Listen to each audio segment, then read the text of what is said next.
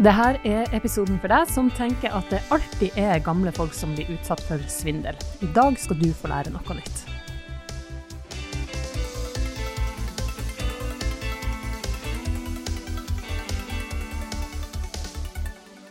Et barndomsminne jeg husker veldig godt, er da han pappa ble ringt opp av noen som utga seg for å være en riking, som skulle gi han masse, masse penger.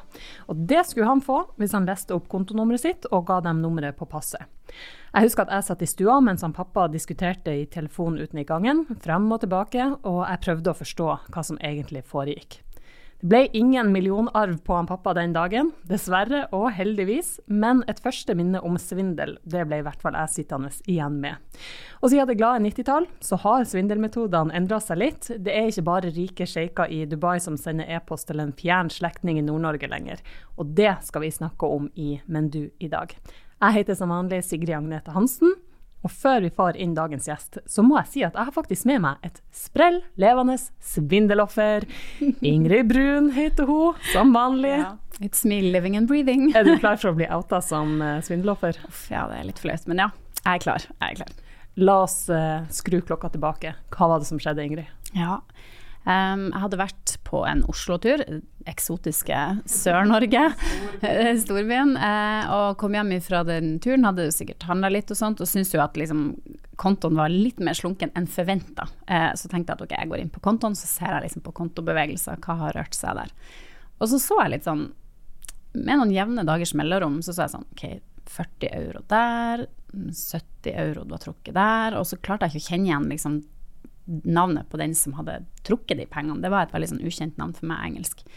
Eh, og så begynte jeg da å liksom spore tilbake, og da ser jeg jo at i tre måneder så er det trukket eh, en god del penger, eh, som til sammen utgjorde 4500 kroner. Full kontroll der, Full altså. kontroll, eh, men det var så små summer at det var liksom lett å ikke merke det. Og det var liksom ulike summer hver gang, det var ikke en fast sum.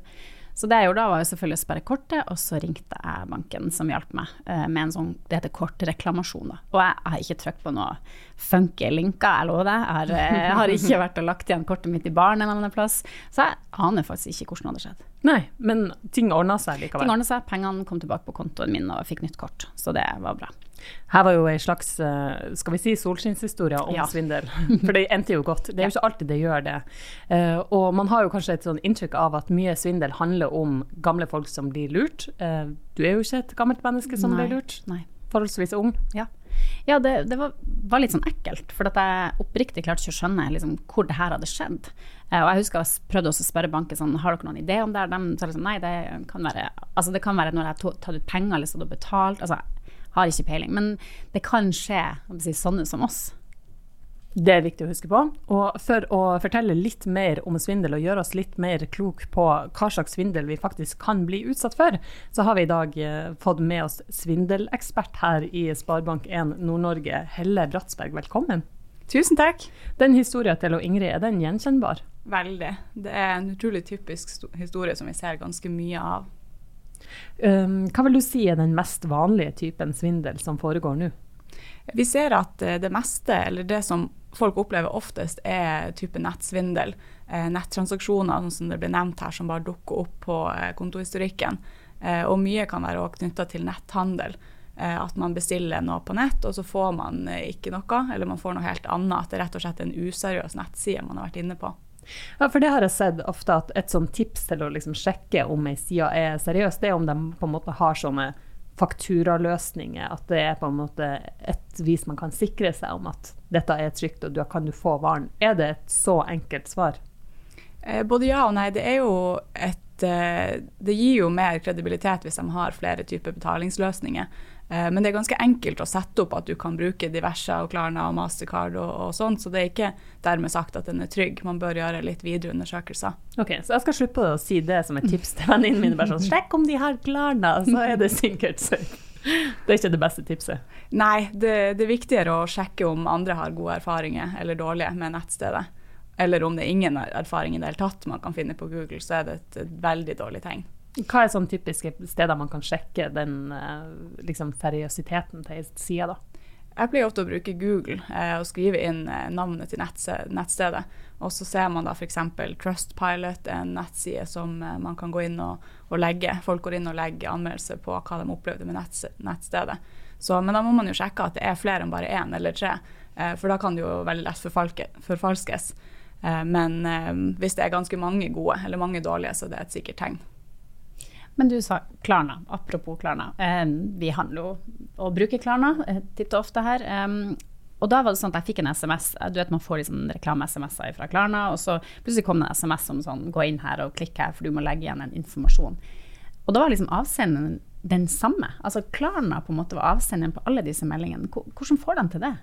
Ja, eh, det er et eh, litt teknisk begrep som heter spoofing. Eh, og det, er, det, går rett og slett i det at svindlerne har De er flinke teknisk, så de har måter å få meldinger til å se ut som det kommer fra noen andre. De klarer å, å få SMS-en til å hoppe inn på en tråd med en kjent kjent utsteder, sånn som Klarna, da, mm. eller andre som Telenor eller Omsorg Banken. plutselig så legger det seg en melding fra svindler rett under en melding som du vet var seriøs. Mm. Men Helle, når man får sånne type meldinger, man begynner å klikke seg inn, og så legger man kanskje inn Det er jo ofte at man skal ha kortinformasjon, eller at man må logge seg inn med bank-ID eller forskjellige sånne her type ting. Hva er de store røde flaggene som man egentlig skal være obs på? Eh, det er um, egentlig det at det er en lenke i det hele tatt, er et ganske stort rødt flagg. Okay. Uh, ja. Eh, rett og slett, De fleste banker eller seriøse bedrifter prøver å slutte lenkebruken i så stor grad som mulig. Eh, at eh, de forteller deg at du må sjøl logge deg inn på Hvis det er Klarna, da, så skal ikke de sende deg en lenke. De skal egentlig bare fortelle deg at du må gå inn på Klarna-appen og finne ut av hva mangler du å betale, eller hva er det noe som er på vei å gå til inkasso. Så, så hvis Klarna sender deg en SMS om at du har noe på vei til inkasso, så, og det er en lenke der, så er man egentlig sikker på at dette er tull er det noen som prøver å forstyrre deg og få deg til å trykke på en lenke og gi info eh, som kommer på avveie. Er det noen måter at man kan få sånne svindel-SMS-er til å slutte? Eller må man, kan, man bare leve med det? Eh, ja, man kan rapportere eh, når man ser at det er noe som er svindel. Så kan man gjerne rapportere avsenderen det kommer ifra. Eh, nå er det jo stadig vekk nye hele tida, sånn at eh, jeg gjør det en del, jeg rapporterer, men noen ganger så bare sletter jeg meldinga også. Eh, for det, man blir jo bombardert, rett og slett. Innboksen er jo full hele tida av masse useriøse hendelser, dessverre. Og si at man har, liksom, har trykka på et eller annet, putta inn noe personnummer, eller, eller, man skjønner at ok, nå, nå, har det skjedd et eller annet. Hva gjør man da? Ringer man banken, sperrer man kortet? Altså, hvor, hvor starter man? Ja, eh, det er bra du sier det, for det, det er kjempeviktig at du alltid ringer banken med en gang. Eh, jo tidligere du ringer, eh, og det kan handle om sekunder eller minutter, at vi klarer å stoppe noe fra å gå ut, eller gjeninnhente det som har gått ut. Så hvis man ringer banken med en gang det har skjedd, så er det et veldig godt sted å starte. Og da kan vi også gi veiledning på hva man videre bør gjøre i saken. Mm. Men um, hvis, jeg har, hvis, jeg har, vært litt treg, da, jeg har kanskje brukt en time eller noen dager eller lenger, får man liksom alltid pengene igjen? Er det en garanti der, eller er det noen sånne grenser og skiller på når man får tilbake de pengene?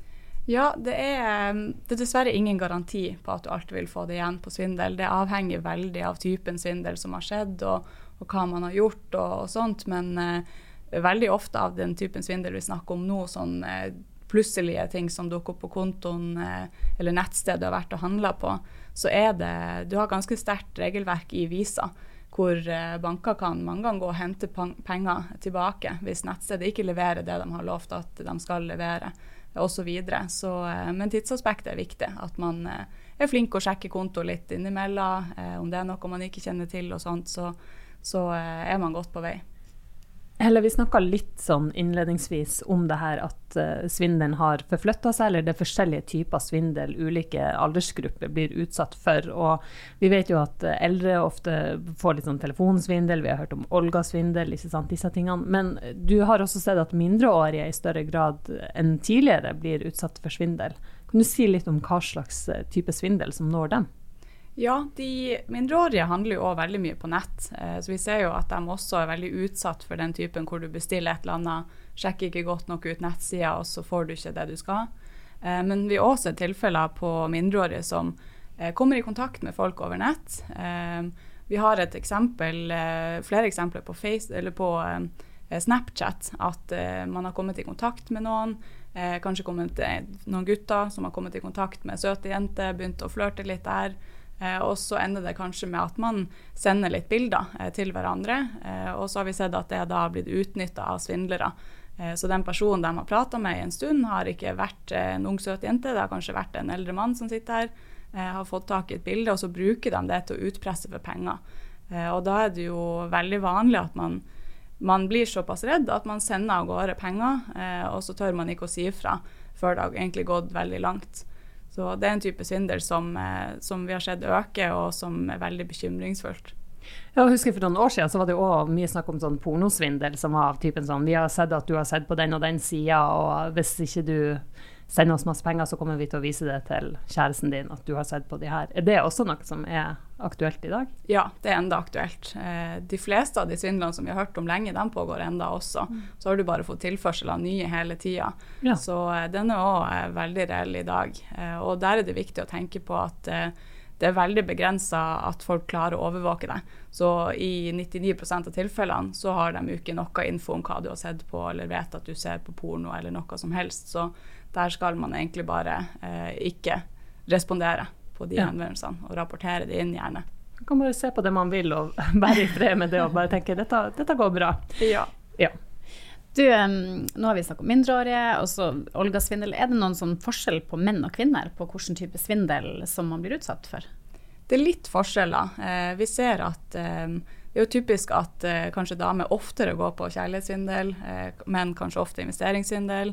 Eh, men det går litt på kryss og tvers. Det kan også være kombinasjoner. Vi har sett eh, menn eller kvinner starte en eh, relasjon over nett, og så går det over i, investeringssvindel. At den de har blitt kjent med, og, får da, man får et tips fra den personen om å investere. og at de kan vise, eller de har folk de kjenner som er eksperter på krypto f.eks. Og så ender det med at den svindelen her går over i å bli investeringssvindel. Da overfører folk penger. Hvor, my hvor mye snakker vi om her? Er det liksom tusenvis, er det hundretusen? Altså det er alt fra små tusenlapper, noen hundrelapper kanskje, til flere hundre tusener eller millioner. For det, mange har jo vært nysgjerrige på kryptovaluta, og hvis de da tenker at det her er troverdig, det er en investeringsportal, du har agenter, alt virker veldig proft, så sender de flere hundre tusen og tenker at de, og tror de har fått kjempegode gevinster. Eh, og får også lovnader om gode gevinster. Og det er et sånn varselflagg nummer én hvis noen lover deg at du, du kommer til å få så her mye gevinst, og du har, kan mangedoble pengene dine på kort tid. Da er det egentlig et sikkert tegn på at det, mm. det er svindel. Ja, og så har jeg hørt at de ofte altså spiller veldig mye på følelser, og også den følelsen av at dette haster å få gjort noe med. Hvordan bruker svindlere liksom helt aktivt de her eh, følelsesregisteret vårt? De bruker det kjempeaktivt. De, de, er utrolig gode på å manipulere eh, og skjønne hvordan knapper de skal trykke på. Eh, og så sier de at eh, hvis ikke du investerer 100 000 i dag, så kommer du til å miste den muligheten. Da får du ikke vært med videre i programmet. Eller det, det frister som er veldig sånn du er nødt til å, nødt til å treffe dem. Så det er vanskelig å forholde seg til, for vi er jo følelsesmennesker, og vi blir påvirka. Og det er, det er kjempevanskelig, rett og slett. Man blir liksom litt uh, glad Ingrid, for at man ikke er på Tinder innimellom. man om sånn Eller ser på porno. ja. eller det. Uh, men, men eh, Helle, du er jo Jeg liker å kalle deg for svindeljeger. Det er jo litt sånn um, ja. Men jeg regner med, og da skal vi ikke spøke det bort, du snakker kanskje ikke så mye med kunder, men du ser jo en del svindel som skjer. Kan du si litt om hva liksom, de verste du har hørt? Har du lov til å fortelle oss om det? Noen av de liksom litt verste historiene? Ja, vi kan jo si, snakke generelt type svindel. Og det verste jeg ser, det syns jeg egentlig er der de bruker følelsene våre mot oss, eh, og der det dannes en relasjon. Sånn som de jeg snakka om, en ung gutt på Snapchat som tror han har fått seg en kjæreste. Eh, og så ender det med at ikke bare har han ikke fått seg den kjæresten, men han har også tapt masse penger i mm. det løpet. Så det blir en sånn dobbel eh, svindel, egentlig. Du er frarøva masse følelser, og du sitter igjen med, med veldig vonde følelser, da, eh, og kanskje et økonomisk tap. Og det er veldig, veldig tungt for folk å bære. Så det, det er nok de verste svindlene vi mm. ser i dag. Men klarer de å si fra til foreldrene sine? Ofte ikke. Vi vet jo at det er store mørketall. Eh, og vi har sett at det har tatt lang tid eh, før de har klart å fortelle til foreldrene. Da har det jo ofte gått kjempelangt. Så, eh, så det er jo kjempeviktig og en oppfordring at man man er flink og sier ifra når det har skjedd sånt. Så for det, også, det kan òg hjelpe at vi kommer inn tidlig nok til at kanskje vi klarer å berge penger. Men du Helle, ser du for deg at det kan finnes en verden der svindel ikke finnes? Det er vanskelig. altså Svindel jo, det er jo et av de eldste yrkene i, i verden. Eh, å drive og lure folk, dessverre. Eh, sånn at helt slutt, det, det spørs jo. Men eh, at vi burde se en nedgang og jobbe for det, det er helt klart. Så jeg tror at vi kan minimere det veldig med go godt arbeid. Og så tror jeg vi tar med oss en av de aller viktigste tingene fra i dag. Aldri klikk på lenker, Ingrid. Mm, ikke trykk og ikke legg inn noe informasjon. Eh, og kontakt banken hvis det har gått galt. Ja, veldig gode tips. Så snart som mulig. Så snart som mulig. Tusen takk for at du kom til oss, Helle. Tusen takk.